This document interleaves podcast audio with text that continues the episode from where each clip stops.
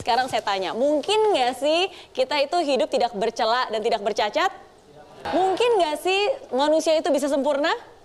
Tidak. Nah, makanya itulah yang sering kali menjadi permasalahan. Oke, makanya hari ini saya selalu bilang uh, kita harus bisa accepting imperfectness. Oke, jadi kita harus bisa menghargai yang namanya ketidaksempurnaan karena tidak ada yang sempurna dalam dunia ini dan sempurna juga is okay nggak masalah.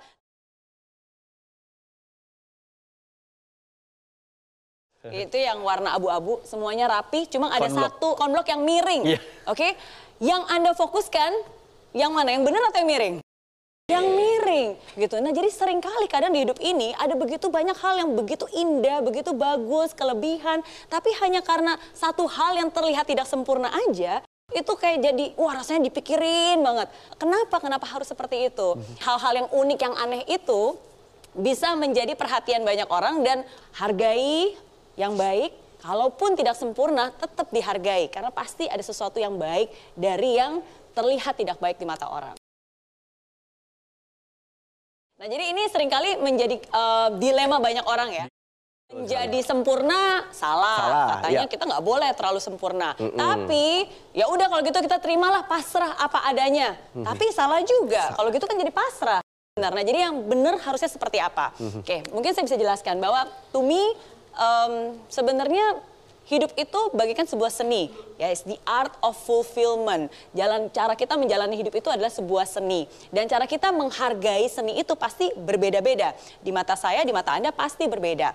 Em, mungkin saya kasih sebuah filosofi. Ini filosofi yang bagus banget, saya pun terinspirasi. Di Jepang itu ada namanya kintsugi. Nah, kintsugi ini bahasa Jepang, kin itu artinya emas, sugi itu adalah sambungan. Nah, ini adalah sebuah art seni yang luar biasa, yang sangat terkenal, yang mahal harganya. Ya, bentuknya seperti ini. Nah, tapi ada cerita menarik dari konsep kintsugi ini. Oke, nah ini berawal dari seorang kaya raya yang ada di Jepang. Oh, ini zaman dulu ya. Dia punya eh, cangkir kesukaannya dia, cangkir favoritnya. Nah, suatu saat cangkir ini retak. Cangkir ini hancur. Karena ini adalah cangkir kesayangannya dia, jadi dia tidak mau membuang begitu saja. Lalu dia mencari orang-orang ahli untuk bisa memperbaiki cangkir tersebut. Oke, nah tapi sayangnya ahli eh, seni tersebut tidak berhasil menambal. Mencoba untuk menambal tapi tetap aja tidak sempurna, tetap aja tidak bisa digunakan seperti semestinya. Eh, tentu saja orang kaya itu kecewa, sedih karena itu barang kesayangannya dia.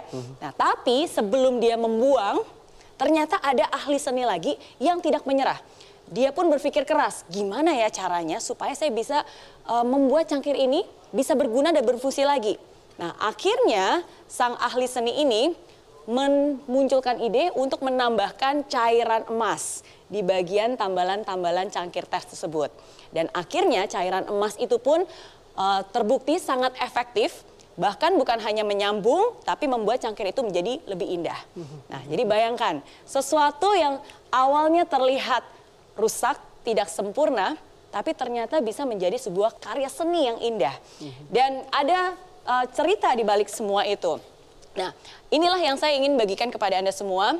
For me, life is an art, the art of fulfillment. Ya, bagaimana kalian pun, Anda pun semua, termasuk pemirsa ada di rumah, bisa menerapkan ini, konsep kintsugi ini di dalam hidup Anda. Di hidup kita, ketidaksempurnaan sering kali membuat luka, trauma, rasa bersalah. Tapi semua itu bisa menjadi indah, tergantung bagaimana Anda menyikapinya.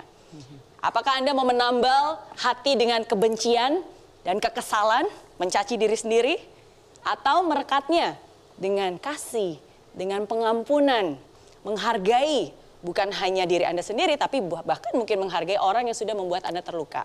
Nah, jadi again pilihannya ada di tangan Anda sendiri.